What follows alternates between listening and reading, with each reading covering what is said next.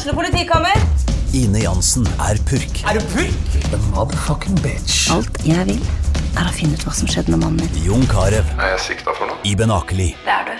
Ole So, Lars Berrum og Big Daddy Karsten. Hvem sin side er du på, egentlig? Anette Hoff, Tone Danielsen, Kommer du fra Afrika?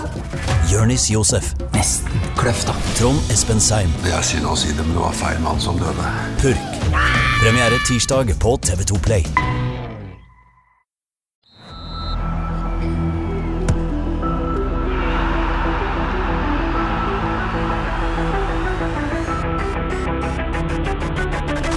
Hei og velkommen til episode 160 av Frelst. Mitt navn er Terje Flateby. Odd Kåre Grøsland, velkommen. Tusen takk igjen, Terje. Og Johannes Dale Husbø, velkommen. Takk, Terje Flateby. Er det deilig nå når eh, sola ser ut til å forsvinne, eller? Ja, Åh, er du letta? ja, i dag er en deilig dag. For jeg ser du har vært ute og, i SoMe. Så Ja. du, du har ganske bra stup. Takk. Jeg stuper ikke, det skal jeg bare si. Er det sant? Jeg legger meg flat for det. Jeg stuper ikke, jeg hopper. Nei, jeg hadde, jeg en skik jeg hadde en skikkelig levedag i går, Ja, så jeg var helt utslitt etterpå. Så. Og Kåre, ja, ja, vi, vi har ikke bada mye sammen, det skal vi være så ærlige å si. Men, eh, men du, det slår meg som du er en skikkelig god stuper. Jeg er god, skal vi si god. Ja, ja, men du er det, sant? Jeg liker å stupe. Skal Ja, ikke påstå det. jeg- jeg- Men jeg liker, jeg liker sommer og sol og bading, for Ja. det sånt. Ja, det ser vi. Så jeg hadde, hadde en fin helg. Ja. Så, så, så fin faktisk at du så FK-kampen i opptak på kvelden. Jeg prioriterte sol si. og sommer fra fem til sju, og så så jeg FK-kampen i opptak sånn ca. klokka ti på kvelden. Jeg visste hva resultatet ble, men det var kjekk kamp uh, uansett. Ja. Men det jeg lurer litt på nå, når torden nå er klokka ti over, Ja. nei, kvart over ti på mandag, og Ja. tidenes tordenvær venter inn over eh, huset her, og her sitter vi med masse elektrisk utstyr rundt oss. Er dette trygt? Eh, det blir spennende. Det gjør det blir veldig spennende. Eh, kanskje får vi støt, kanskje blir det havbrudd, kanskje blir det strømbrudd. Vi får bare følge med og se. La oss håpe det gnistrer. Litt litt ekstra spenning i dag, rett og slett. oi, oi, oi, Har vi oi. noe- Jeg burde hatt en lyd her. Får jeg låne det i dag? Nei, nei, ikke. Men, eh, men Håkon Brekka lurer på hvordan Husbø klarer å motivere seg til å gå inn og se kamp når det er så deilig og fint vær ute. Han er en sarkastisk eh, mann, Brekka. Ja, han er det.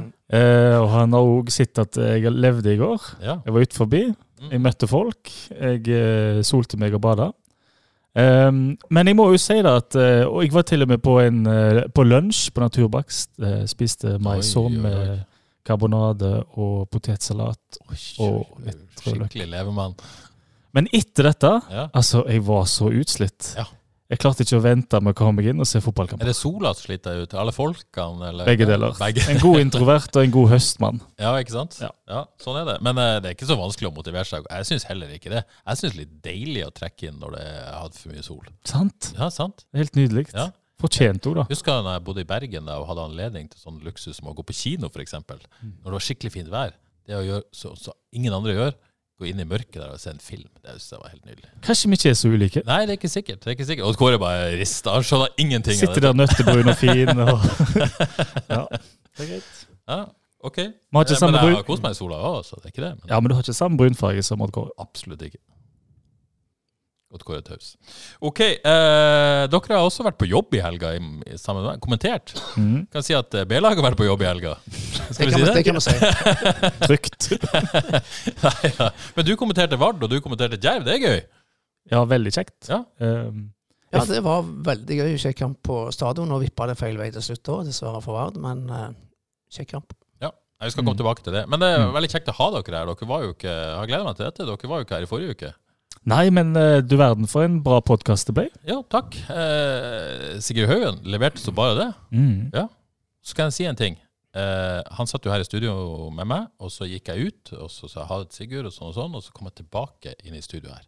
Aldri lukta så godt i dette studio som etter at Sigurd Haugen har vært her. Det kan jeg si. Bedre. Altså, meg og Husebø er jo her hver uke. Jeg vet. nettopp Vi Nettopp. rekker ikke opp. Nei, ikke i nærheten engang. Det er for lite produkter, tror jeg. Jeg har jo kjøpt den nye som eh, posisjonerte på Kiwi der. Ja. Eh, Nå er jo Sigurd en, en fast lytter av Frelst, fant jeg ut, så det var jo utrolig kjekt. Mm. Eh, Så jeg må kanskje spørre han hva han kan bruke, for det var, det var, ja, det var klasse.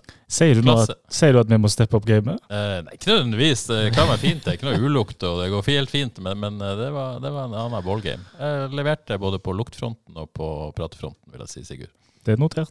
Det er veldig notert. Ok, eh, det var gøy. Eh, gøy var det også å se FKH i går, vil jeg si. Eh, skal vi eh, bevege oss dit? Eh, det ble ikke poeng, men, men vi koste oss jo i opptaket, Odd Kåre. Altså, ja, i, i opptak. Altså, Ja. Motstand og arena tatt i betraktning, så mener jeg kanskje at det var FK sin beste spillemessige kamp denne sesongen. Første halvtimen var rett og slett strålende. Ja. Og så er det selvfølgelig kjipt at de ikke får betalt med noe som helst. Ja.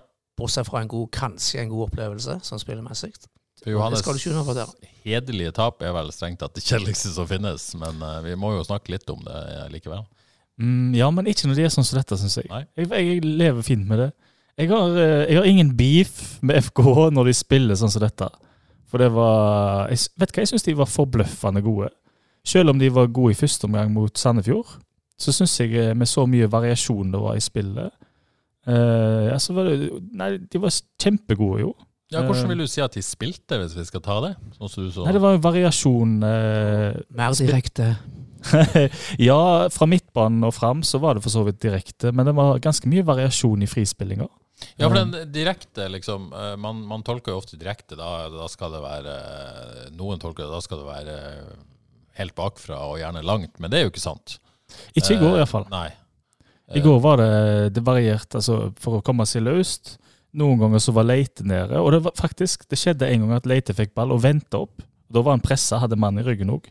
Molde lå lavt, altså de hadde litt sånn fine forhold på frispillinga. Men det var en gang Leite kom ned, fikk mann i rygg, venta opp, fant Krüger, som hadde tatt plass på midten, videre til han, og så var det nesten at de skapte en stor mulighet. Så det er liksom det er et visst potensial i denne frispillinga, og det Jeg tror de tok Molde litt på senga med det i går, Ja. denne variasjonen. For Leite var nede, MC var nede. Krüger var ikke så mye nede og henta ball. Han var egentlig på midten mye eh, når Selvik hadde ballen. Så var det et par halvganger til Sande og eh, denne, den, den varianten der som vi så mye av mot eh, Sandefjord. da. Men nå var det var mye variasjon. Første halvtimen, Odd Kåre, er det det beste du har sett av FK i år, eller? Ja. Holdt på nesten å si på lange tider. Nå husker Ja. jeg ikke så godt lenger. Men Nei. vi må jo nevne Bruno Leitopp i dette. Du har vært innom. Han var helt eh, enorm den første halvtimen. Jeg har ikke sett på maken. Altså, som ballvinner og playmaker, for et blikk og for noen pasninger. Han var jo s- i egen klasse på det. Det var helt enormt å se på. Ja, jeg skrev i børsen at første, da, da var han overalt og gjorde alt. Altså, Som Odd Kåre skriver, både som, som, ball, nei, sier, både som ballvinner og, og playmaker. Jeg var, jeg var komisk god. Ja, Altså, men vet du hva? Jeg syns jo Krüger eh, Krüger var jo på samme høyde omtrent, eh, og han var det i hele kampen. Ja, jeg syns på en måte det var litt sånn Jeg syns Krüger åpna litt svakere da. Ikke Ja. dårlig, men, men han kom i skyggen av Bruno i begynnelsen. Ja, det kan vi si. I likhet med alle andre ute på banen der. Eh, men så kom han liksom utover i kampen og holdt det gående i, i 90, vil jeg si. Han var, var veldig god, Kevin. Også. Banens beste for meg. Ja, for, for, ja, du hadde vel Bruno hakket foran, eh, kanskje, Odd Kåre. Men Ja, jeg hadde Selv om han ikke sju. spilte hele kampen og kanskje Ja. falt litt av, så syns jeg Bruno fortjente å bli banens beste i den Jeg hadde vel begge eh, som sju på børsen. Jeg klarte ikke helt bestemme. Kevin. De var iallfall i egen klasse, de to. Ja, de var, var enorme. Men uh, mangla uttelling i denne perioden. Bruno Bruno var enorm. Eh, Bilal for så vidt on fire, han òg. Ja. men får ikke mål. Må han på chippeskole hos Thomas Sørum? eh, og- Ja, må det. Han er jo et er det, er det han er, han er jo blitt et enormt aktivum for dette FKH-laget. Jeg syns òg han spiller en, en bra kamp nå igjen, men, men altså uttellinga må opp. Mm. Ja, nei, han, eh, jeg syns jo det, han har to store. Eh, men den, eh, den første, den bør han jo skåre på, da. Da bør han jo chippe. Bør klare å få den i mål. Den andre er jo kanskje mer eh, en god avslutning, Den kommer veldig skrått. Den er vanskelig å Ja, vanskelig på. på. Ja, Så eh, kan vel bare si at han hadde én bom som han, eh, burde vært mål, da. Ja. Egentlig.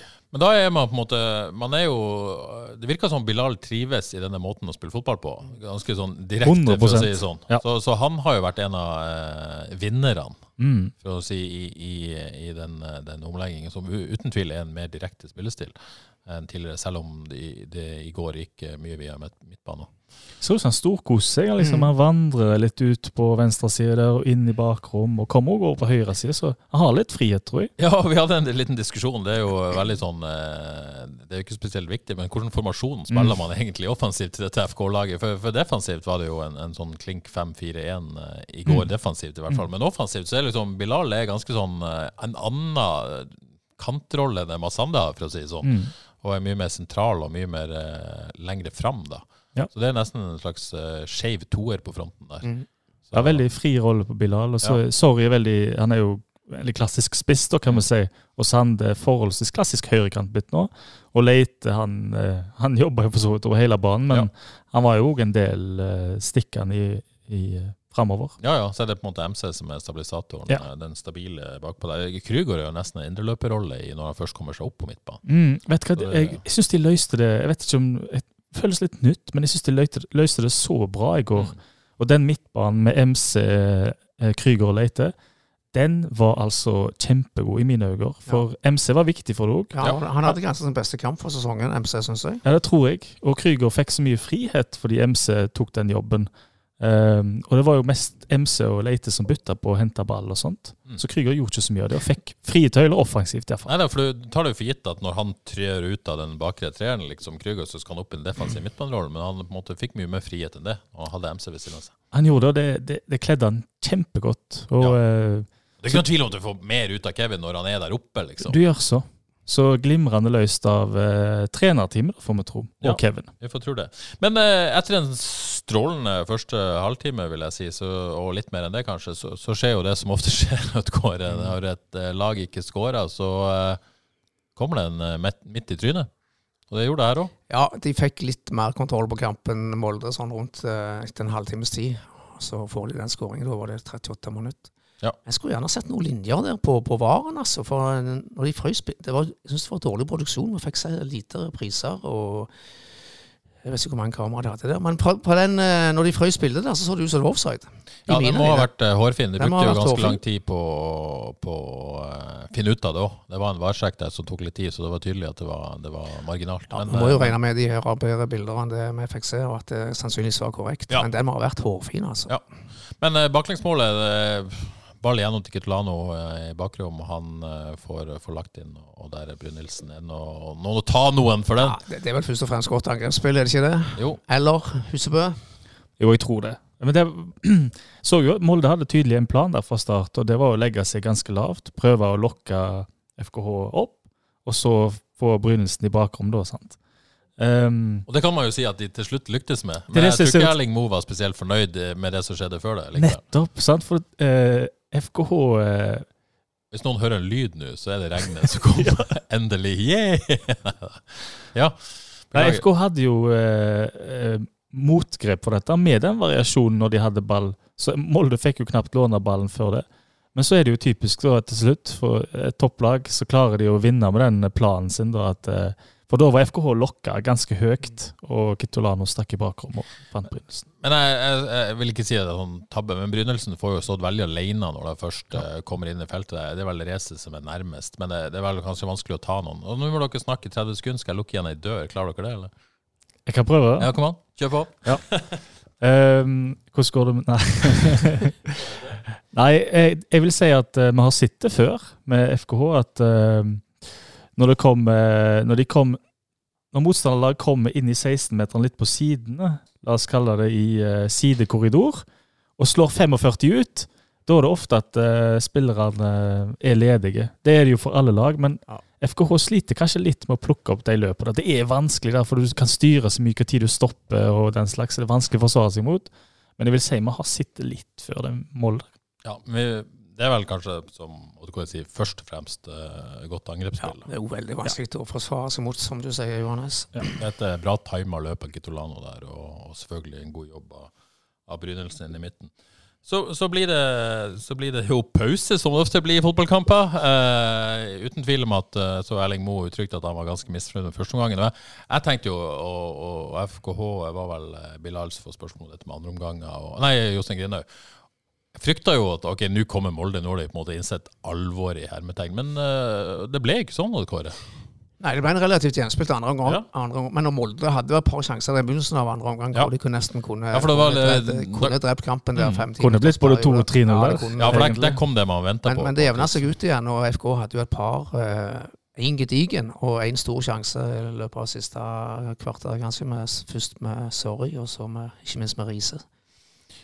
Nei, racer. Ja, den er jo den er, den er gigantisk, den. Ja, den, den, den ja, her her er han ti meter utenfor. jeg trakk han et poeng på børsen bare pga. headinga, faktisk. Ja, ja, den skal sitte der. Ja, skal han ikke det, Det da? ikke For, for en så god uh, offensiv dødballmann som, mm. som Søren Racer skal jo sette den. Ja, det er jo ikke feil mann som får han. Nei, det er jo ikke det. Det er helt rett mann. Ja. Men uh, ja, uh, Molde skaper det sånn, og så, og så jevner det seg ut, og så skaper FK litt for lite. Mm. Det er kanskje i andre omgang til å, eh, til å eh, ja, ikke si rettferdiggjøre et poeng, men, eh, men til, å, til å skape en sånn skikkelig press. Det, Jeg har til slutt uh, si Jeg vil si 5-4 til FK i feite tilbud. Så jeg syns jo definitivt FK hadde fortjent ett poeng. Um, men ja, de, de hadde mye ball i andre omgang, FKH, men det skapte ikke så mye. Og jeg savna én ting, da. Altså, Eskesen og Pajasiti, skal ikke de på før? Altså, De får 11 minutter. Ja, De var blitt slitne der, eh, flere spillere, syns jeg. Jeg satt og tenkte på det samme, men så er det nok en sånn vurdering som jeg vet trenerne de, de føler jo at Molde ikke klarer å skape så mye i den perioden. Man, man føler at man har relativt god kontroll på kampene, og at det er liksom marginer unna at man klarer å skape noe. Det er vel det man ser da. Men er de marginer unna, da? Nei, det, men det er vel, jeg vil tro at det er vurderinga, at dette fungerer Ja. såpass bra at jeg har ikke lyst til å bryte rytmen i det. Mm. Og når man ikke klarer å få mål, så blir jo det til slutt en feilvurdering. Eh, Så sånn sett så, men, men eh, følte du at de gjorde noe i kampen som, som rettferdiggjorde at de burde kommet inn tidlig? Nei, men akkurat si det Det er så kjipt å få ti minutter. For det, Ja. du, du føles når du går på det, at du har så lite tid å gjøre det på, at du, ja, det kan hindre deg litt i, å, i å virkelig uttrykke deg. Ehm, så jeg skulle gjerne sett at de fikk 20, for da føler du at du har god tid å få gjort et eller annet på. Jeg syns Eskesen tidvis hadde noen tendenser der, men ehm, så jeg skulle gjerne sett kanskje spesielt han da på før, vil jeg si. Ja, For late, gjerne. Eskesen eh, har ikke kommet skikkelig i gang i år, rett og slett. Nei, veldig synd med den skaden han fikk rett før seriestart. Ja, han var jo ja. i fyr og flamme i, eh, rett før seriestart, Ja. og så har i hvert fall vårsesongen mer eller mindre blitt ødelagt nå. Ja. Og eh, ja, skal komme tilbake til det, men det er ikke noe sånn naturlig vei inn akkurat nå heller. Men, Eller er det det? Eller kanskje er det det. Ja, vi, vi, får, vi, får se. vi får diskutere den etterpå. Uh, Race kjempesjanse like før slutt, og så kommer denne rødt kort-situasjonen med, med Martin Bjørnbakk og Sorry Diarra. Uh, ja, har jo sett reprise, men uh, ikke noen sånn kjempegode bilder der. Nei. Ikke noen sånn tette bilder, som jeg har sett i hvert fall. Men dom, dommerne har sett noe som jeg ikke har sett, i hvert fall. Ja, for jeg, jeg jeg, si. er med at det er ikke noe slag. Han drar albuen litt hardt, Altså- kanskje. Drar albuen sånn. En, du, S- Så vondt er det ikke, tror jeg. en duell med mye holding, og så prøver han å rive seg løs. Og så er han Ja, kanskje og- uheldig å komme borti på et eller annet vis, og kan se ut som et slag eller noe, men jeg syns det er en ny, veldig soft uh, utvisning for FK. Den tredje for året. Ja, Ellen Katla spør, eh, lurer egentlig bare på hvorfor Diarra fikk rødt, og det er vel den, den der på en måte Det må jo bli vurdert som det, er kanskje, et, et slag, da. Jeg prøvde å studere, men men jeg er syns ikke det er slag. Nei, Jeg synes han drar albuen for å komme seg løs. Så må vi jo anta at dette ble vurdert av varebussen, eh, eller i varerommet, Mm. etterpå at det ikke ble gjort en feil med å gi rødt kort. Ja. Hvis ikke så ville det vel blitt omgjort. Og had, de de hadde støtta vært, jo dommeren, men eh, hadde det vært omvendt? nei, det hadde neppe vært omvendt. Men- det, det er et eller annet med det. Hvor Mm. stor feil skal være. Men blir det definert som et slag, så han jo de to-tre kampene, ikke det? Ja, det, det vet vi jo ikke ennå, så det får vi jo uh, vite i løpet av de nærmeste dagene. Men uh, Håper det går bra med Martin Bjørnberg, at han kom seg på Skal vi si at det var uh, kynisk og ruttis av unge Bjørnbakk? unge Bjørnbakke. Ja, nei, han eh, ikke var en god her heller for FK, så jeg har jo sans for Martin Bjørnbakke, jeg, så ikke Nei da. Men, eh, men eh, ja. Nei, det var soft. Det jeg er syns ingen tvil om definitivt det var soft. Og Steinar Lie spør om dette tre røde kort så langt. Sitter kortene for løst, eller FK blir det et griselag? Nei, nei, ikke noe griselag. Er ikke alle tre ganske uheldige, da? Ja, Altså, det er den Kevin. Ja. Kevin sin var kanskje rødt kort, men når du ser på de andre tilsvarende situasjoner som ikke har fått rødt, så er det jo litt eh, uheldig. Også den som Magnus Christensen fikk, var det på Lerkendal. Nei, veldig soft. Og en ny soft nå. Ja. Nei, det er eh, griselag er for eh, tidlig å slå fast, for å si det sånn. Syns det. OK. eh, eh, Ronny Krygård, som for øvrig er pappa Krygård, reagerer på at kommentator sier at eh, skal FK stjele med seg et poeng her? Eh, klassisk eh, det. Men, men eh, hvis jeg skal forsvare eh, medieklanen litt, så er det jo litt sånn Kanskje er det ikke ut fra kampen, men ut fra hva man trodde på forhånd. Hvis, hvis FK hadde, så ville jo de fleste se det som en stor overraskelse. Ja, altså Som kommentator så vet jeg jo at det er mye tid å fylle, så av og til kan en si noen feil. Ja, du sier aldri noe feil. Sko. Ikke så jeg kom på. Neida. Men jeg skjønner jo hvor, hvor Ronny vil henne, da. Ja, For det det, det ville jo ikke vært et ran, akkurat. Jeg merka meg jo at han eh, sånn cirka en halvtime òg refererte til en jevn og tett kamp. Ja. Det At, var, det eh, hadde det definitivt ikke vært. Nei, FKH var, jeg Syns ikke FK var underlegne Molde, Molde etter de hadde dominert kampen voldsomt i Hadde 30 minutter. dominerte stort første halvtimen. Men uh, spillet, da, før vi går på enkeltspillere. Uh, dette er jo definitivt, uh, for å si det sånn, noe å bygge videre på her. Eh, den variasjonen og den kvaliteten som du tross alt viste her. Ja, jeg syns det Jeg synes FK jeg, jeg digger når FK er sånn, rett og slett. Fordi jeg syns det er kjedelig hvis de bare skal ha den der halvlang ut til Sande fra Selvik. Da, jeg, da føles det som et litt sånn kjipa lag. Men nå var det såpass mye variasjon. Det er helt greit at de gjør det, men de viser at de gjør mange forskjellige ting eh, med å komme seg videre til midten. Og- det som skjer fra midten, er jo at ganske mange spillere setter fart, og at de er direkte derfra hvis de har muligheten til det, og det hadde de. Eh, det er jo helt fint. Så kommer den andre omgangen, når Molde igjen fortsetter å ligge litt lavt. Eh, da savner iallfall jeg en sånn, kanskje en mellomromspiller, da. Litt mer eh, en Pajasiti eller Eskesen som finner noen rom som du helst, helst ikke, helt, helt ikke har der. Så der er det nok litt å gå på. Hvordan skal de bearbeide et lag som ligger, ligger lavt? Men det, det, er, Ja, den det er borte mot Molde en, også. mot én-ferdigheten om å skape ubalanse. Ja, det, jo, det har de eh, ikke helt. Så, eh, men det er borte mot Molde. Det er, det, er tøft å skape noe når de, de legger seg lavt. Så eh, jeg syns det var en god kamp, Ja. Uh, litt enkeltspillere. Vi har hylla Leite, vi har hylla Kevin Martin Krygård. Uh, MC har vi snakka om, uh, kanskje hans beste kamp så langt i sesongen. Bra å ha midtbanetrio der. Det var mine tre beste på børsen, og de tre der. I tillegg da til Egil Selvik, som, som jeg syns gjorde en ny god kamp. Kunne vel ikke gjøre noe med målet, hadde et par gode redninger, og syns jeg var veldig god med beina òg. mye presise oppspill og viktig i den fasen der.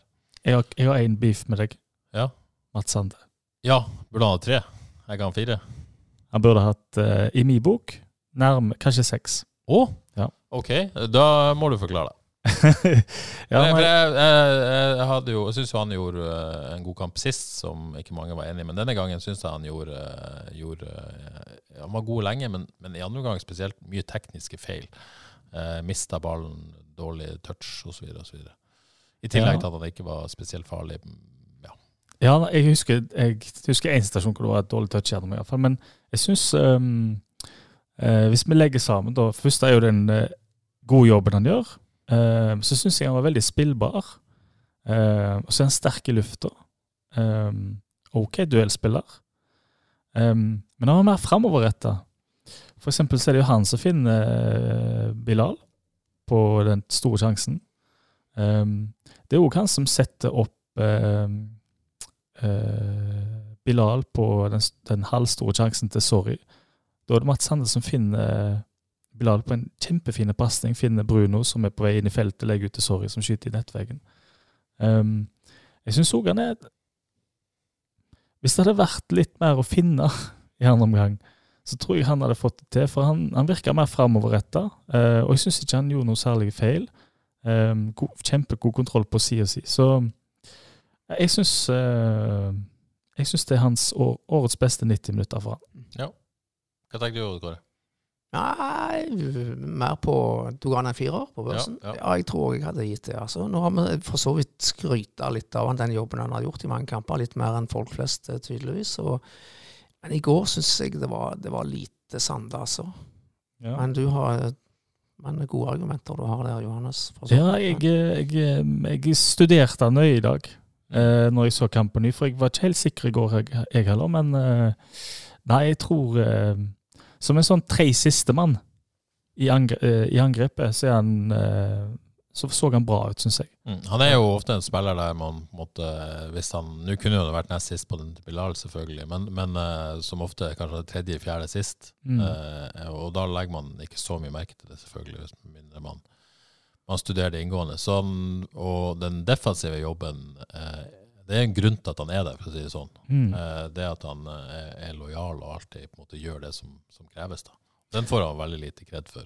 Ja, og så Eh, kan han nesten ikke tas på at eh, jeg, jeg, Og jeg har vært kritisk, det er det ingen tvil om, men eh, ehm, jeg tror ikke han har de helt store én-mot-én-ferdighetene, han heller. Selv om han er teknisk bra og har bra fart, så har ikke han heller de store én-mot-én-ferdighetene. Men det er jo liksom ikke Han har jo mye annet, da.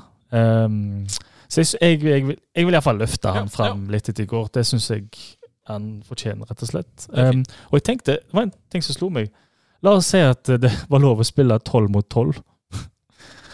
Og FK kunne heve på en mellomromsspiller som Pajasiti eller Eskesen. Da tror jeg FK hadde vunnet lett. For det er liksom sånn som FK så ut i går.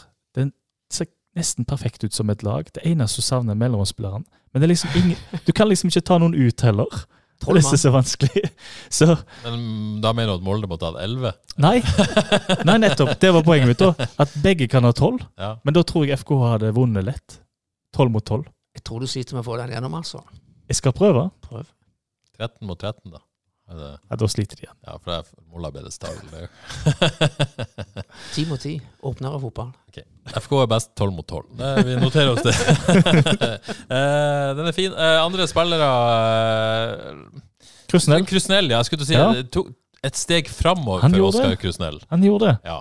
Han har fått det- en del kritikk av oss. Har vi sagt at han har gjort års beste før? Jeg følte det, men jeg syns kanskje Jeg synes det er årets beste for han. Ja. For han, han er villig framover, han er presis. Har god kontroll på sida si, syns jeg. Um, så han òg. Eh, bra kamp. Ja. Så når de, de som har på en måte hakka litt på det, som er kanskje Sande og Krusnell, når de løfter seg såpass, da ser FKH langt bedre ut.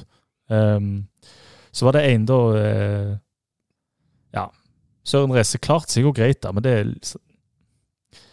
Han hadde jo ikke så mye ball, så han gjør jo ikke så mye gale ball, det er noen egentlig. stygge pasningsfeiler. Som Ja, det han alltid er. liksom, og så ble det ikke den duellkampen som han trives så godt i. Nei da, han, han gjorde ikke så mye. Eh, Og så, så var jo en grusom den bommen. Mm. så ja. Var vel eh, Jeg syns Terkelsen ikke var helt bra. Nei, men jeg syns det var helt greit. Ja, helt greit. eh, du gjør en såpass Altså, det som er det som også, Ikke at jeg skal forsvare børsa her, men det er jo et eller annet med når man gjør en så god kamp, selv om man ikke får poeng borte mot Norges ja, antatt nest, nest beste lag, så, så gjør man mye bra, altså, for å Mm. få det til. Ja. Eh, jeg tror ikke Molde var på sitt beste, men, eh, men FK bidro jo til at de ikke var det. Og det, det på en måte legges på et vis til totalverdien av prestasjonen. Jeg syns jo alle er på, egentlig på pari, og en del av de på godt pluss over, i motsetning til begynnelsen av sesongen, hvor de fleste vunnet pari. Så Ja. Er det er jeg helt enig i. Og så er jo synd med det røde kortet til Diara. Det er ikke det han skaper så mye, men han skaper litt, og, og er jo utrolig viktig for at Bilal er så god, tenker jeg. Mm. Uh, med, med han, jeg jeg syns han er ganske bra både som oppspillspunkt og god bevegelse, og, og gjør en jobb der oppe, altså. Jeg er helt enig. Jeg syns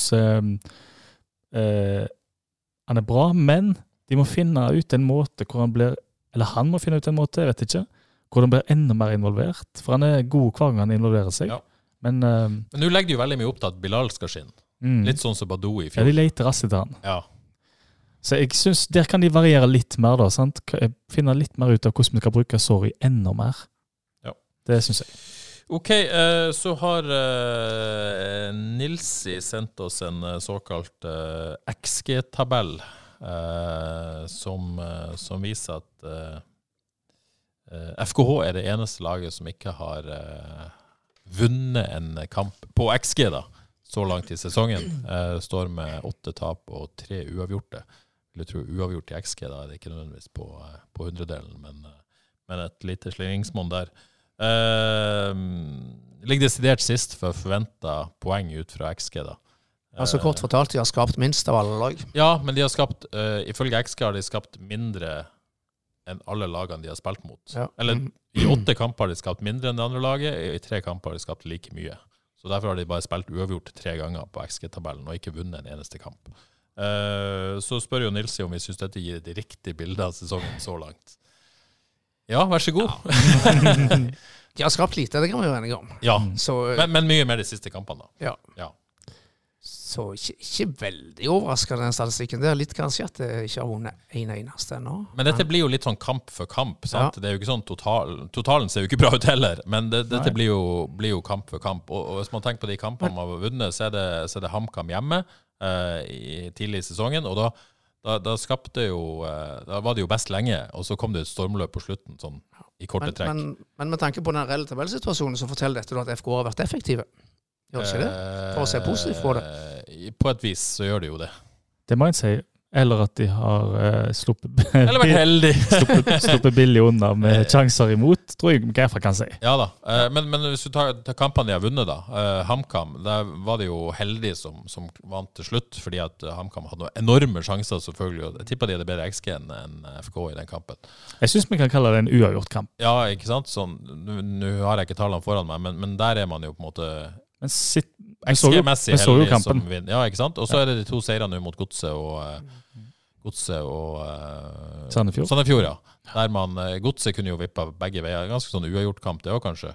Ja, kanskje til og med litt heldige. Ja, og, og, og Sandefjord, der er de best. Den skal de jo vinne, fordi når du er så dominante i en omgang, så skal det punkteres fullstendig. Selv om de blir utspilt i andre, så det, det er jo seier.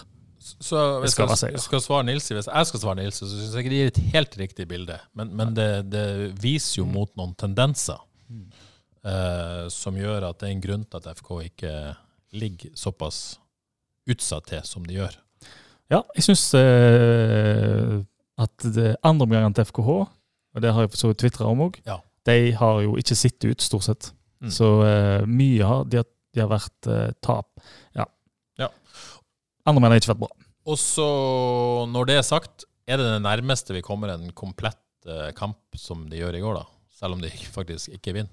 Uh, Det syns jeg definitivt. Ja. i det. Første gode 90 minutter. Mm. Ja.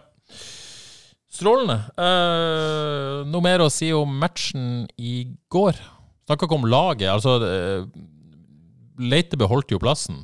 Uh, for for det, det laget vi så Det var jo samme lag som sist, eh, men da var jo Paiositi reist. Og han spilte jo eh, kampen før det. Så Leite kom inn for Paiositi mot, eh, mot Sandefjord.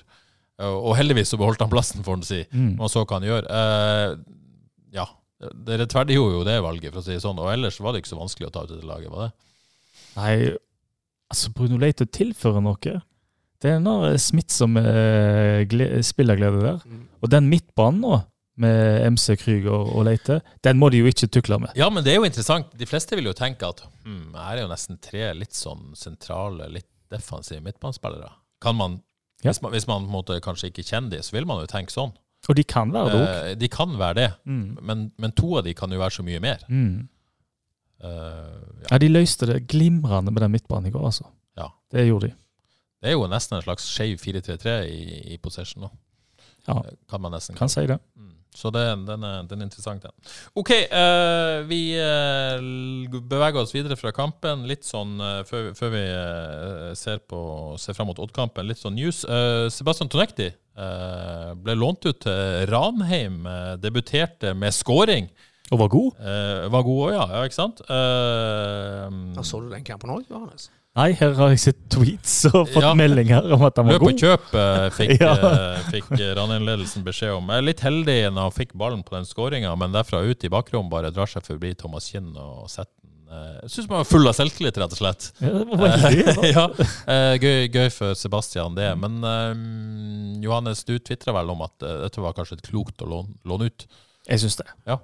Jeg syns han har helt eliteserienivå ennå. Men uh, hvis Han- han kan da- være så god i Obos, øver, altså øvre halvdel Obos òg, kan vi si, lover jo bra. Det er noe med han. Så jeg er veldig spent på hva han kan prestere det resten av sesongen. Odd Kåre, dette er jo også en, en, en Han er jo bare 20 år. Det skal Ja. vi huske på. Vi føler at vi har snakka om Sebastian Tonekti i årevis, men han er fortsatt bare 20 år. Dette er jo helt klart en spiller som trenger å spille fotball, Ja. eh, og trenger å spille på seg selvtillit. Eh, og da er kanskje et utlån til, til en eh, øvre halvdel av Obos perfekt. Ja, Helt enig. Ja.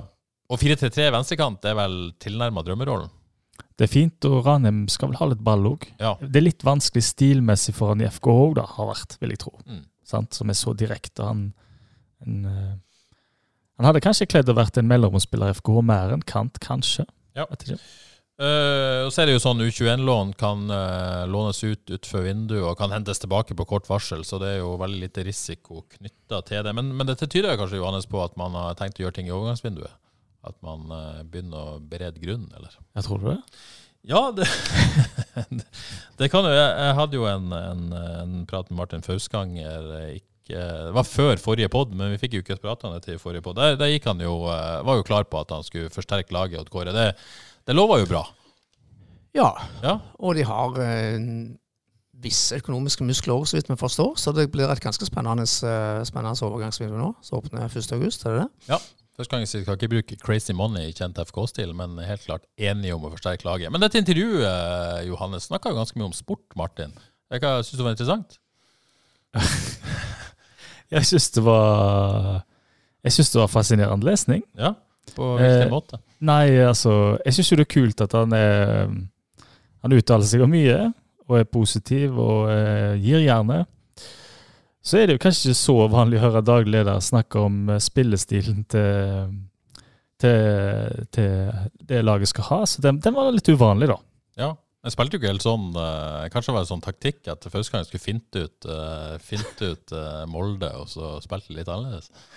Ja, for de skulle, eh, ifølge Fauskagen skulle de bli mer eh, Johs, da. Det må vi tro er mer peis på, mer direkte. Ja, og det har jo det, vi, vi fleipa jo litt nå, men det er jo ingen tvil om at FK har blitt mer direkte de siste ukene. Uh, det er det jo ingen tvil om. Så varierte de litt mer i går. Men, men uh, jeg var jo også Jeg syns det er litt sånn vanskelig, for så, så, som journalist så liker jeg jo veldig godt at Martin Fausganger er den han er, og er veldig åpen.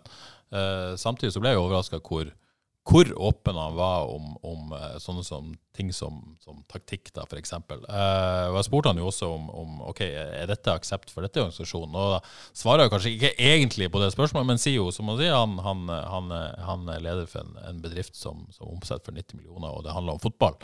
Og han begrunner jo at han har, eh, føler at han har ganske god peiling på hva han snakker om. Ikke så god som de sportslige avdelingene, understreker han selvfølgelig, men, men, eh, men likevel. Eh, så spurte jeg jo Jostein Grinaug om dette. Eh, og, og eh, hvordan tolka du svarene fra Jostein Grinaug? Eh, nei, hvis det, eh, Tydeligere for meg, da. Jeg vet jo ikke, jeg. Men tydeligere hva han mener mellom linjene, er det vel ikke mulig å komme. At Jeg tror ikke han var fan av at daglig leder Marten Fausganger uttalte seg om eh, sport og spillestil. Du kan ikke ta ham på noe på det han sier? Kan ikke det. Nei? Kan ikke det, men uh, igjen Mellom linjene her. Ja. Eh, hva var det han sa, Johs? Nei, det, at det var noe koselig eller noe. At han Det var greit og mye entusiasme og Ja.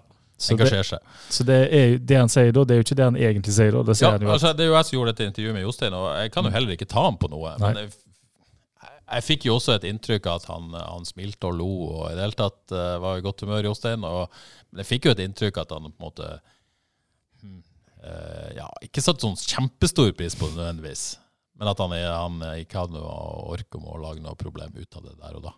Uh, og det ville jo vært en åpen konflikt, selvfølgelig, hvis han gjorde det. Det var jo det jeg håpa på, som vi alltid gjør, men, men den, den fikk vi ikke. Nei, han var lur der. Ja, Men det var kan, nok klokt. ja da. Hva han sier på puben på Åkra, det vet jeg ikke. Men jeg har jo litt forståelse av at uh, sportslig avdeling ikke var fornøyd med alt som kom ut. Det kan vi vel si. Uh, og det kan man jo som, Igjen, som journalist er jeg veldig glad og setter veldig pris på Martin Fauskanger og åpenheten. Så kan man jo forstå at sportslig avdeling kanskje ja, tenker at dette skal jo vi uttale oss om. Ja, men da kan vi jo kanskje sende en oppfordring til hvor ofte har vi hørt noen fra sport, trener eller sportssjef, snakke om spillestil og hva FKH skal gjøre. Ja, det er et vakuum der, kanskje. Som, som Ja, det syns jeg. Vi har ikke hørt noen ting. Så det var kjekt å se noen konkrete ting, selv om og Marten Fauske har sikkert peiling, men det han sier er jo egentlig kanskje ikke så uvanlig for noen klubber, da, at du først ser i bakrom, er det noe der, så mellomrom, er det noe der, relativt basic sånn sett. så på siden er det noe der, og så vender du tilbake og Ja. håper å få bakrom fra det. Men, eh, men eh, spillestil er én ting. eh, Men, men det Martin Fauskanger bør og kan og gjør, uttaler seg ut, det er jo på en måte hvor vil klubben henne. Eh, og der syns jeg han er bra. Eh, Har vært tydelig nå på at før sesongen så var målet om å kjempe om en plass blant de fem beste. Hvis noen skulle være i tvil om den målsettingen, så satt Martin Martin i skapet plass at det var de enige om før sesongen. Eh, Deilig. Yes, eh, og så sier han nå Nå på en måte hatt noen utfordringer i starten. Nå må man rejustere målsettinga.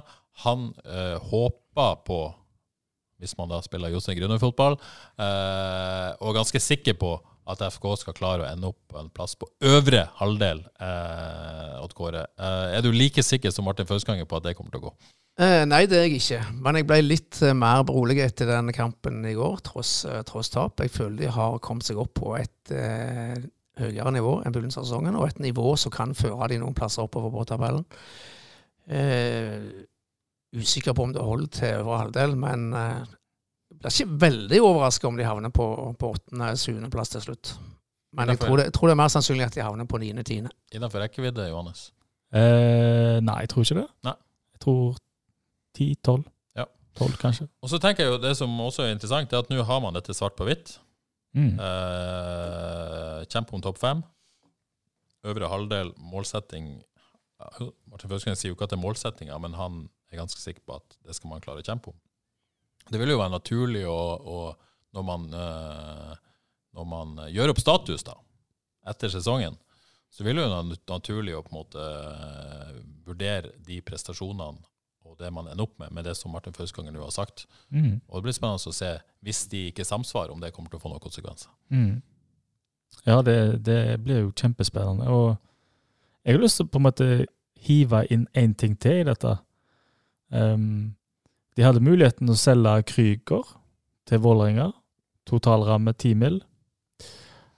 Han er vel her for at de skal klare øvre halvdel, da? Ikke for at de skal ende på tolvteplass og holde på det. Eller en cupfinale, kanskje. Eller en cupfinale. Så hvis de, hvis de ikke klarer den målsettingen om å gi vekk Krüger, så er jo Ja, det er ikke bra. Ja, for hvis man nå ender på å si eh, tolvte, eh, og Mats Sande og Kevin Martin Krygård, Mm. og for så vidt Ulrik Fredriksen, går gratis etter sesongen, da har man jo på en måte bomma på begge deler. Du ser den, Kåre, eller? Ja. så må vi jo si at eh, tabellsituasjonen i dag er ganske, ganske kritisk, faktisk. Altså Hvis Vålerenga og Sandefjord vinner sine, den kampen de har det gode, så er de på kvalikplass. Men så kan man den snu det på det. Hvis man hadde solgt Kevin Martin Krygård og ikke fått inn noen tilsvarende, så kunne man rykka ned. Eh, hvis man da det gjør at man ikke rykker ned. Men slipper de unna med den når de Nei, jeg sier ikke det, men man kan argumentere sånn. Ja.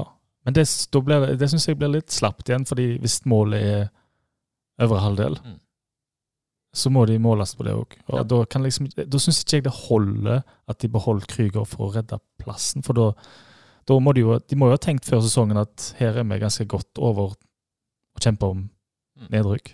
Så er jo Eirik Oppdal ganske tydelig på at han har fortsatt tro på at Kevin Martin Krygård ikke går gratis fra FK. Ja, Men hva Eh, sa han egentlig i det intervjuet? Jeg forsto ikke, jeg. Nei, det- nei, det han sier, det, det, er jo, eh, det er jo at han tror at Kevin Martin Krygård eh, kommer til å signere ny kontrakt hvis han ikke blir solgt. Sånn uh, tolker jeg Eirik Oppdal eh, på det. Eh, og så- så- men det var jo ingen garanti. Han mente at Kevin Martin Krüger har gjort jobben for FK uansett da, om han går gratis. Da. Ja, jeg syns jeg svarte litt tåkete. Mm. Ja, ja men så, Sånn som jeg oppfatter Erik Oppdal, så tror han på det, Mm. men, ha, men vet ikke. Prøve å legge press på litt, Det kanskje. vet, det vet jeg ikke. Uh, Kevin jeg føler meg ikke trygg på det. Nei, det gjør ikke heller. Men, men jeg sier ikke at Eirik Oppdal føler seg trygg på det. det. Det oppfatter han ikke, men han tror på det. Det, det har han sikkert grunner for å gjøre. Men hvis vi på gøy er Kevin Krüger, hva gjør vi da? Nei, Den er jo vanskelig. Kristoffer Welde var jo i en tilsvarende situasjon da. Skrev eh, ny kontrakt. Men, men samtidig så føler jeg at Kevin Martin Krüger var, har- var i denne situasjonen i fjor. Nettopp. Og da ga han FK ett år til. Han gjorde så. Eh, Vi kan ikke skylde noen ting på Krüger hvis han går gratis, syns jeg. Nei, jeg, jeg syns også det er vanskelig å bruke det mot Kevin hvis han går gratis nå. Fordi at uh, han var ikke fornøyd med de budene. Det var noe interesse fra Polen og sånn og sånn. Uh, endte opp med å signere. Uh, ikke gå gratis. For han kunne sikkert gå gratis noe sted. Eh, kom det et bud fra Vålerenga som i hvert fall vi har forståelse for at han var interessert i. Det er sjelden sånn at eh, klubber legger inn formelle bud uten at de vet at spilleren er interessert. Mm. Sånn er jo det fungerer. Eh, sånn at Ja, og det fikk han ikke lov til. Eh, og så, for, så, er det jo, så er det jo en sommer som kommer nå. Ja. Eh, og det er et overgangsvindu både internasjonalt og i Norge. Så det blir spennende å, å se om det skjer noe der. Men hvis det ikke skjer noe der heller, så, og spesielt hvis FK sier nei til OK bud, så, så er det vanskelig å på en måte bruke det så veldig mye mot han, syns jeg òg. Jeg syns han har alt sitt på det tørre eller rene, eller hva det heter. Ja, enig i det. Ja. Kan vi ikke ta. Så det blir en veldig interessant uh, situasjon å følge, det også. FKH gjør et valg når de takker nei til det budet for Vålerenga. Ja, de gjør det. De gjør det. De gjør det, helt klart. Uh, så sier Oppdal òg at uh, han tror Mats Sande er tapt for FK. Da. Så, selvfølgelig fordi Det er til å forstå, og jeg syns det, det er langt mer til å forstå og til å leve med. Han er en veldig funksjonell spiller i FKH, da. Eh, men de skal òg tåle å slippe han, og eh, eh, det de kunne fått inn for han, det tror jeg ikke hadde vært så mye at det kanskje er merverdi i å ha, en, ha han med videre i denne sesongen. Ja. Så det syns jeg er helt fair. vet ikke størrelsen på det budet fra Brann. Og det blir jo veldig spennende å se. Brann er jo på, på spillejakt, for å si det sånn. Mm. Eh, om det kommer noe mer derfra i august. Eh, om de fortsatt er interessert i Mats Sande. De trenger jo spillere til å fylle ut en tropp. Desperat, egentlig. Jeg skulle de kanskje er på tro, beinet. ja, jeg skulle tro det var nærliggende. da. Blir spennende å følge med på den. OK, eh, Odd på søndag. Nå venter altså Odd. Og så er det Viking borte. Bodø-Glimt borte. Lillestrøm hjemme og Sarpsborg borte. For, For en juli. For en juli, rett og slett. Eh, Det betyr det bør bli tre poeng mot Odd, eller? Ja. Er det det det betyr? ja, for Odd var griseheldig i går òg. Ja, var det det? Ja, fordi at Ja, eh, for De har jo vært, eh, de har jo vært ute og kjøre, og så har de på en måte fått litt uh, stramma det inn, i hvert fall resultatmessig, med, med to 1-0-seire borte. Men, men de var heldige mot HamKam, ja. Ja. Ja. ja, de var kjempeheldige. Ser de på nytt, eller? Nei, jeg har fått sitt oppsummering og lest gjennom den slags. Her, hvis universet er på lag med oss, da, så kommer FKH fra litt uhell mot Molde. Ja. Odd kommer fra hell mot HamKam. Jeg har en følelse av at vi kan eh, få årets første eh, grisebankseier. For, det, for Odd har det, har det, i, eh, har det i skuffa si òg, å gå på sånne grisetap. Ja, de har det. Ja. Jeg, jeg, jeg tror vi kommer til å jule de opp. Er det, er det kampen det løsner? Jeg tror det, jeg. Men så skal man jo uten, uh, uten en spiss Ja, det blir spennende. i Story Diarra. Eh, Arne Tveit Katla sier Martin innenfor Diara på søndag, eller ser dere andre alternativ? Reidun Norskog spør når blir Søder klar? Eh, for å ta Søder først, det er vel lite som tyder på at han er klar fra start. I hvert fall mot Odd. Han har vært lenge ute, er vel så vidt tilbake i, eh, i trening, men, eh, men har vel ikke trent fullt enda. Så, så jeg tror vi kan legge Søder eh, i en startplass. Den kan vi legge trygt i skuffa foreløpig. Men kan han komme ned et kvarter for Martin? Jeg eh, tenkte òg først Martin eh, Jeg synes Han altså de, han fikk ikke mange minutter i går, men jeg syns vi så litt av gode gamle Martin de minuttene han var på banen, med litt dragninger og litt, eh, litt trygg på seg sjøl. Ja. Så for meg er det veldig enkelt. Martin Samuelsen starter som spiss mot Odd, Ja, du er klink på den? Ja. med Søder som backup hvis han er klar. Kan vi se noen sånn falsk nier-løsninger? Jeg har lyst til det. Du har lyst til det? Ja, for jeg tolka deg sånn tidligere, når du er liksom Ja, er det plass til Eskesen? Ja, fordi eh, Jeg kan ikke dy meg for at det Sorry og Bilal hadde vært det beste, sant? Kjempeduo. Men nå får vi virkelig sett eh, Kan Bilal f.eks. være spiss? En slags spiss, da. Om det er en spiss som stikker litt ut på venstre side, om, om han er en falsk eh, spiss. Det skal, det skal han vel sannsynligvis være, for han er jo ikke noe eh, oppspillsnier, iallfall, for å si det sånt. Um, men hvis vi nå kan få om den mellomspilleren, om det er Pajasit eller Eskesen, kanskje Eskesen er nærmest, det vet jeg ikke helt, um, så syns jeg iallfall det er kjempespennende å se om det kan funke. Ja, Det er definitivt et alternativ. Men skal de da legge litt om det som de har starta på nå, og så har funka så bra i de siste kampene? Så jeg mener jo Martin kan gå inn rett i den rollen til, til Diarra, Ja, og det, at de fortsetter på samme måten. for det, er også, det tenkte jeg også på. For hvis du skal tenke at nå fungerer Bilal perfekt i den rollen som er eh, Hvis de på måtte skal inn med en helt annen spisstype, da, eller en annen type inn der, så må de jo på en måte legge litt om. Ja. eh, på et vis. Så spørsmålet er hvor mye må legge om. Men, men det er klart at den nærmeste like for like-erstatteren er Martin Samuelsen. Mm. Eh, Men nå har Odd de har tre beist av noen stoppere. Ja. Så hvor mye de kunne brukt, eller kan bruke en, eh, en stor, sterk spiss, Ja. det vet jeg ikke Kanskje helt. lurt å lokke de litt fram og ha noen raske bein og mellomromsspillere, og så fyre Bilal i bakrommet der. Ja, det har jeg kjempelyst til å se. Men samtidig så skal de jo klare å holde på denne ballen nå. Men det er Pajasiti òg. Han er fin. Kan finne opp mye med den ballen, han.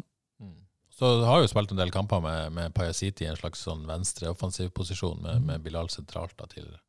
Så det kan jo bli et comeback til det nå. Det blir spennende å se hva man velger. Men, eh, men det er vanskelig å komme utenom at uh, den som skal inn her, må enten bli Martin Samuelsen, Eskesen eller Pajasiti. Mm. Uh, noe annet er vel uh, vanskelig å se for seg. Ja, det, jeg tror Hvis jeg skal gjette, tror jeg ikke Samuelsen går inn. Jeg tror han er litt unna, jeg. Tror jeg. Ja. Um, men vi får se. Vanskelig å se for seg at de hiver inn Samuel Otusanya, det ja. Og Tusan, ja. Otusanya, ja. Det er vanskelig å se for seg. Jeg tror Engstedt Nyhammer var ikke på benken en gang sist. Ja. Uh, Nei, Samuel kommer ikke inn. Han er ikke klar. På topp. Få det på.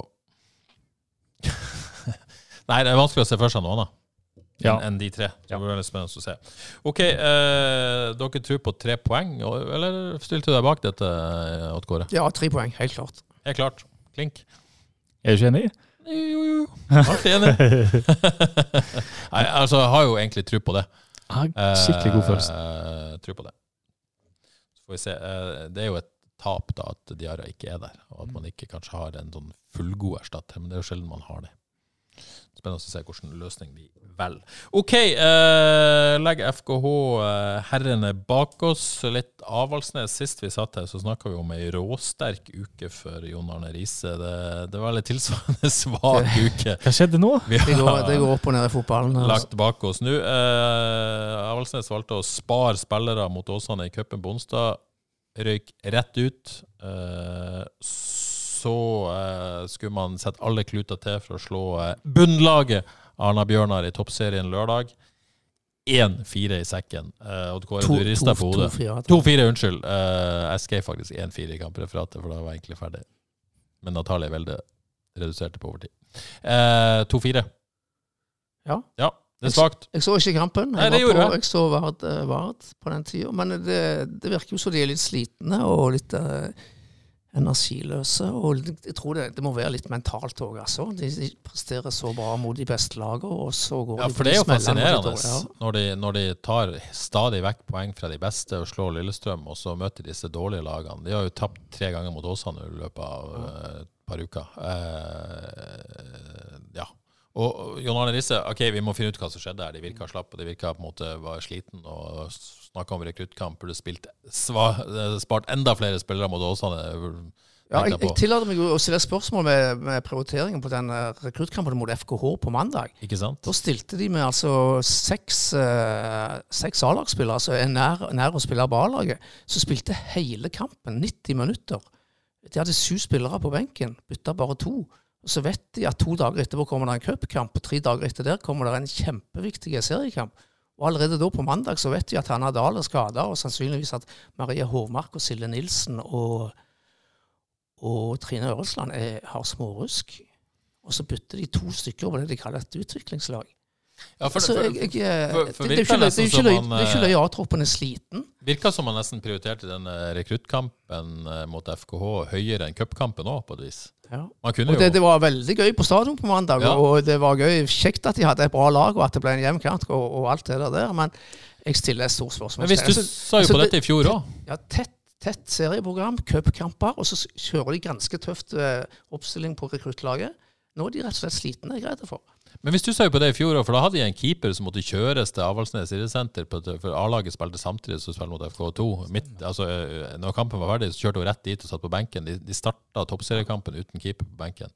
Uh, uh, Ja, mye prestisje. det, det, Ja, det må det være. Men Ja, det, det er gøy, det for så vidt. Men kosta det mer enn det smaker? Ja, nå, denne uka her har det kostet mer enn det smaker. Og den evalueringen de har nå etter denne uka her, der tror jeg de kommer til å ende opp med at den, den rekruttkampen på mandagen kosta for mye. Ja. Du så jo alt kreftene de brukte. Vi hadde jo full pupp på, på benken òg, med Riise. Det var bare Roger som ikke var der av hele, hele trenerapparatet.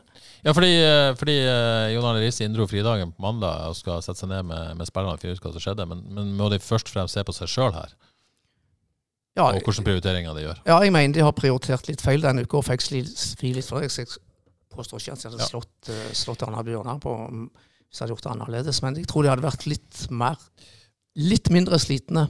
Men det, det, er jo, det er jo ett element. Et annet element Jeg er egentlig ikke kvalifisert til å mene så mye om dette, men jeg hiver meg utpå likevel. For jeg har ikke sett nok av Alsnes. Men det som slår meg, jeg, jeg så også den hjemmekampen mot Åsane, det at øh, jeg, Men jeg har ikke sett så mange av disse når de har tatt poeng mot, mot topplagene. Men det å ta poeng mot topplag er på en måte en annen øh, Det krever noe annet enn Ja. å slå bunnlag. Mot topplag da kan man virkelig legge seg tilbake, og så kan man eh, ikke satse på tilfeldigheter, men, men ta de sjansene som kommer, men ikke, ikke på en måte gjøre så veldig mye mer. Mot bunnlag så må du faktisk ha et eget spill. Du må på en måte ha, ha noe, et grunnspill som ligger i bunnen. Og jeg vet at du og Kåre mener at de har kommet en vei Ja. der, men, men, men jeg har en liten teori om at det der det kanskje svikter litt, at man faktisk ikke har et eget grunnspill. De har jo det, men som er, som er godt nok til å gå ut mot Arna-Bjørnar og dominere kampen og vinne kampen. Det er nok kanskje litt av greia, men jeg holder fortsatt fast ved at dette laget har tatt så store skritt fra i fjor, og de har tross alt spillemessig i laget og mot de, mot de beste lagene her, sist mot Vålerenga vel, så spiller de på et nivå som skal gjøre at de skal slå Arna-Bjørnar. Men det, det kan jeg si, det var full fortjent seier til Arne-Bjørnar. Ja. Avaldsnes var veldig god en liten periode i første omgang der de uh, var utrolig at de ikke skåra. Så fikk de fortjent eh, til utligning til slutt, men, men uh, full fortjent seier til Arne-Bjørnar til slutt. Så, Ja, det eh, er kjipt. Nå er det Ja. litt, litt kritisk. Nå er det Lyn borte, og så er det ferie. Det ser litt skummelt ut nå. det er en lang sesong, og, og denne evnen til å plukke poeng fra topplagene er jo ekstremt viktig å ha nå, da. Men, Ja. men eh, litt sånn farlig situasjon, og ikke minst et, et, eh, en, en økonomisk situasjon i Mm. klubben som gjør at nå man kjemper med nebb og klør for å få egenkapital nok til å unngå poengtrekk. For det vil jo være helt krise. Eh, men men når man kjemper med nebb og klør for å, for å unngå å, å få poengtrekk, så tyder jo det på en økonomisk situasjon der man kanskje ikke får så mye midler til å slå seg løs i overgangsvinduet, mindre Arne Utvik eh, banker på Ja, Arne. Utvik er jo en joker på dette her, men jeg har forstått på det at det, det sitter langt inne nå å hente forsterkninger, så jeg tror ikke vi kan forvente at, de, at eh, eller Riise tror ikke kan forvente å få inn noen betydelige forsterkninger nå i, i høst. Og det vi vet, er at de mista en av sine beste spillere, Silje Nilsen. Silje Nilsen, ja. ja. Så det blir tøft. Men eh, som sagt, dette laget har gjort store framskritt, og eh, jeg tror fortsatt de har en god sjanse til å berge plassen. Litt eh, enklere kamp, eller ikke enklere, men ikke så tett kampprogram i høst etter VM-pausen. Ut av cupen. Så Og litt klokere prioriteringer. Så Men kan dette fortsatt gå bra. Yes, FK-damene tapte 0-3 mot Molde. Noter oss det. Det var første av to tap mot Molde for FK på søndag, mens Avaldsnes 2 tapte mot Herd. Og så kan vi jo benytte anledningen til å gratulere Karina Sævik, Anna Jøsendal og Meril Abrahamsen med VM-uttak. Ja, det er gøy. Ja. Meril er tatt ut den brutto tropp Ja. for Ålevik, men Ja. alt, alt tyder på at hun spiller for Filippinene i VM. Ja, Det gleder vi oss til. Ja, det blir kjempegøy. Ja, Olaug Tveten var nær.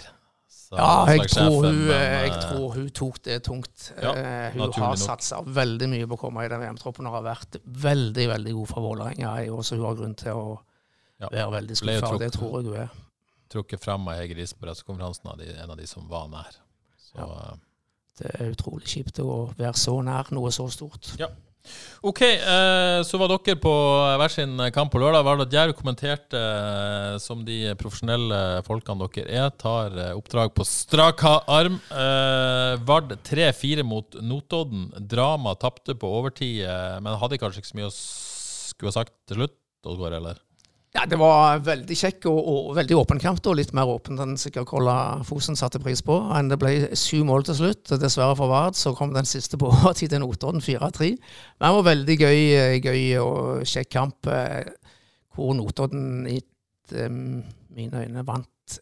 Altså Hvis et lag skulle vinne, så var det Notodden som var best. De hadde mest å kjøre med mot slutten. Men hadde ikke vært noe sak på uavgjort. Og det kunne faktisk òg vippe Vardsen vei. Så veldig kjekk, kjekk kamp. Synd for Vard at de tapte kunne kanskje begynt å sette oppover hvis de vant. Nå må de nok se heller litt bakover.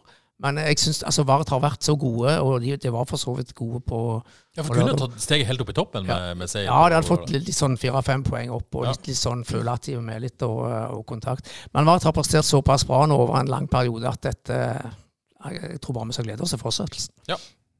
Fram eh, borte neste lørdag Ja. eh, er jo en ny mulighet til å ta tre poeng. De som tar tre poeng, eh, eller tok, eh, var Jam 1919. eh, Johannes vant toppkamp mot Vidar. Nå er det jo tett i toppen av den avdelinga der, men god prestasjon av Jam. Ja, veldig. Uh, og de møtte et, det må jeg si, knakende godt fotballag. Så det, det var skikkelig toppoppgjør. Um, Vidar hadde mye å komme med, men Djerv eh, de var påskrudd, altså. Denne her skulle de ta. De skulle være med i den uh, opprykkskampen. Det viste de. Um, så kjempekul kamp, det må jeg si. Eh, og det er jo tett der oppe. Uh, ett poeng bak uh, Vidar nå, Gen 1919, men, men også ett poeng bak Viking 2, som spiller hengekamp, eller kamp i kveld mot Ja. Fyllingsdalen. Så er det jo flere andre lag i omtrent Ja, poeng, samme poengsum der oppe. Før den kampen i kveld er det to poeng som skiller de fem beste lagene. Og så har jo Stord òg meldt seg på. De er jo fire poeng bak uh, serielederen. Ja. Så det kan bli en thriller. Har dere noe feeling, dere som uh, har peiling på sånt? Hvordan kan dette gå til slutt? Ja, nå begynner jeg å få litt peiling, iallfall. Ja, ja. Um, men jeg har ikke sett uh, altså Viking 2 og Vida har jo sett uh, gode lag. Men at, at Jerv skal være med hele sesongen, det føler jeg meg ganske sikker på. Jeg, altså. Ja, jeg tror det er ganske åpent, men jeg frykter jo at Viking mobiliserer akkurat det de må. Så Det kan- ødelegger ja, for de har lyst til å komme seg opp. Ja, jeg regner jo med det. OK, uh, Jerv 1919. Uh, ny toppkamp for så vidt, bort mot Bjarg på lørdag. ja. Ja, jeg skal bare si et Jerv har eh, lånt seg en spiller, Eskil Furre Gjerde, som studerer i USA og spiller der, tror jeg. Maken til spiller. Sier du det, ja. Men han som kom fra Egersund? Det tror jeg. Ja, det stemmer vel kanskje det. Han var i Egersund og kom fra Bjoa, forsto jeg. Altså, han var helt fantastisk. Han kom seg ut av alle telefonbokser som var satt ut utpå der. Posisjon. Men hvor spilte han, ja? Venstrekant. Skåra okay. mål og herja. Var han opprinnelig fra Bjoa? Er det du sier? Jeg forsto sånn. Kjempegod. Så er eh, ja, gå, gå og se han, og gå og se Jerv. Kult. Det som nevnte Egersund, nå så vet hvordan det gikk med Egersund A-laget herrer i helga, De vant 5-0, gjorde de ikke? mot Brattvåg. Brattvåg. Bratt- Bratt- Brattvåg ligger Det de blir tungt. nest sist. Fy Det er tungt, altså. Uff, uff, Ja, uff, det må være lov å le litt av det, på et vis. Litt grann. Litt grann. Uh, OK. Uh, Jerv borte mot Bjarg på lørdag. Kan se på hvis.no, selvfølgelig. Der kan du også se fram Vard. OK, litt fjerdedivisjon. Uh, vi skal sende eh, Jerv 1919 2 mot Vard 2 i kveld.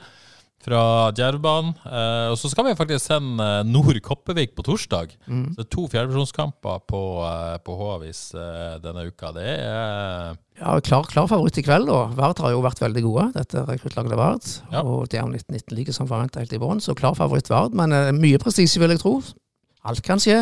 Alt kan skje. Uh, Helga 4-0-seier til Åkra. Og Torvastad Kopervik eh, 1-1 der. Ja. Men uh, det alle lurer på, hva skjer i Kopervik egentlig, Odd Kåre? Ja, nei, de på Nei, vi har jo skrevet litt om dette her. Ja, det er jo det. litt, litt synd og kanskje litt trist, og det ser ut som alt Det er veldig trist, da. Ja, at det er en, en litt uheldig maktkamp der ute. Ja. Trenger ikke gå i dybden her, det er mange nyanser og litt forskjellig.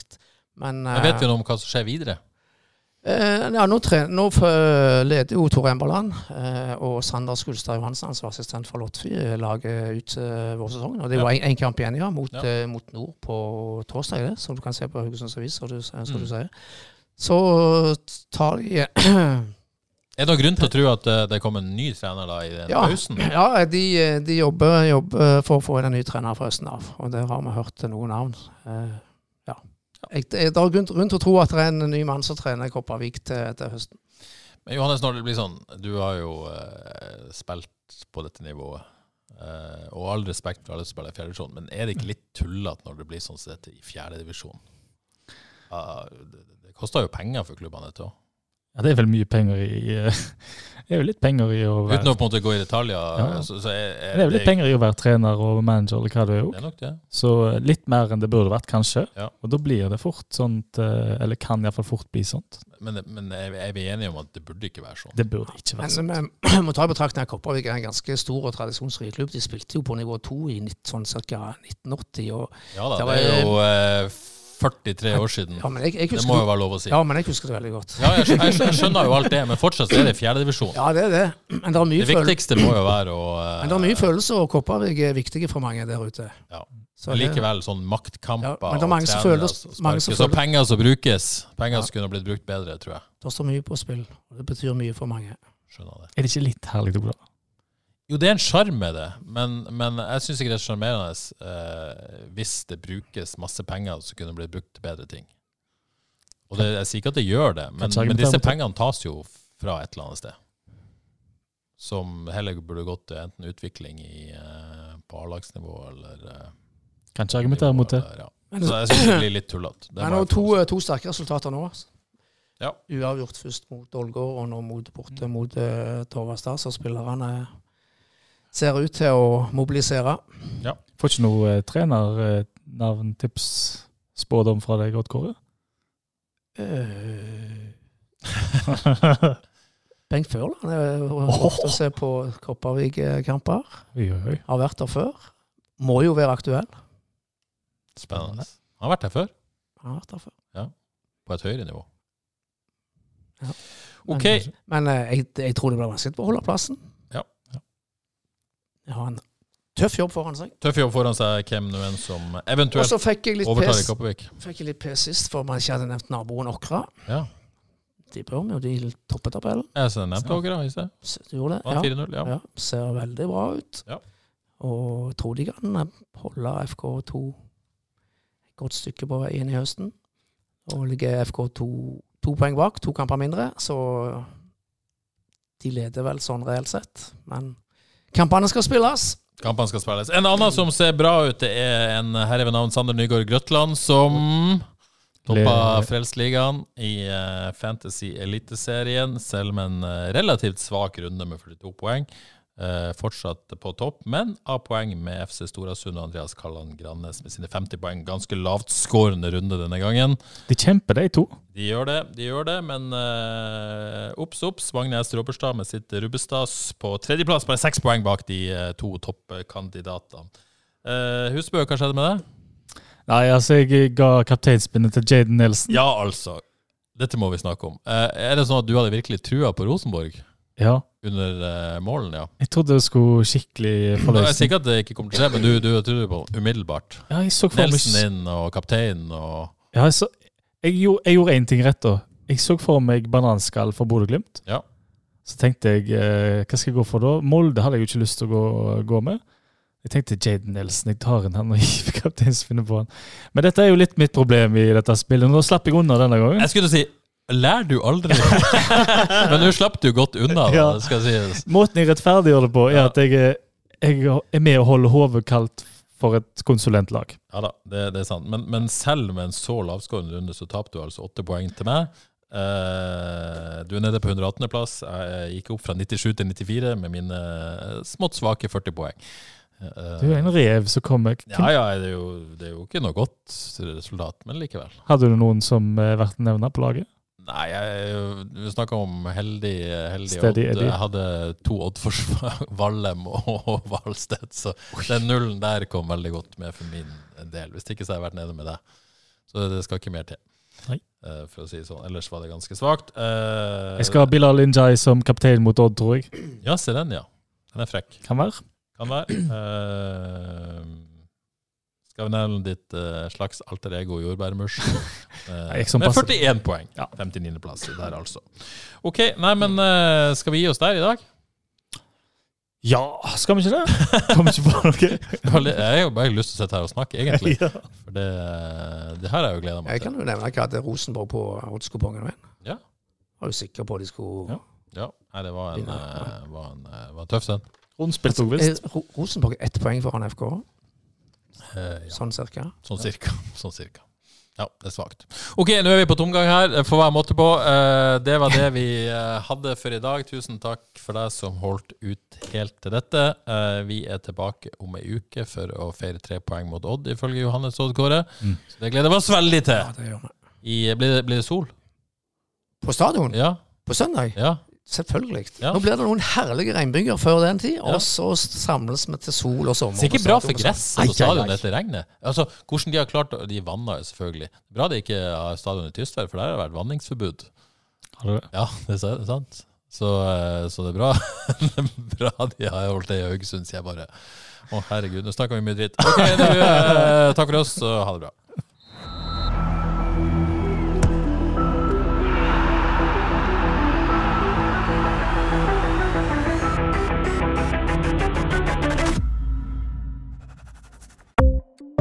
Ukens annonsør er HelloFresh. HelloFresh er verdens ledende matkasseleverandør og kan være redningen i en travel hverdag. Mange av oss har nok vandret i butikken både sultne og uten en plan for middagen, som ender med at vi går for de samme kjedelige rettene gang på gang. Middag burde være dagens høydepunkt. Som HelloFresh kan du nå velge mellom 25 ulike retter hver eneste uke, eller få HelloFresh til å sette sammen menyen for deg. Dette gir deg muligheten til å prøve nye og spennende retter alene eller sammen med familien. Du velger antall porsjoner og får alt levert på døren på et tidspunkt som passer for deg. Oppskriftene er enkle, og maten er lett å lage både for store og for små. Ved å få alt levert hjem får du også mer tid til å dele matgleden med familie og venner. Kanskje det frister med asiatiske tacos eller greskinspirert kylling? Da kan jeg anbefale deg om å gå inn på hellofresh.no. Her kan du bruke koden FOTBALL og få opptil 1779 kroner i rabatt på de første fem matkastene hvis du ikke har prøvd Hello Fresh tidligere. Du kan også bruke rabatten hvis du har vært kunde og stoppet abonnementet ditt for tolv måneder siden eller lengre.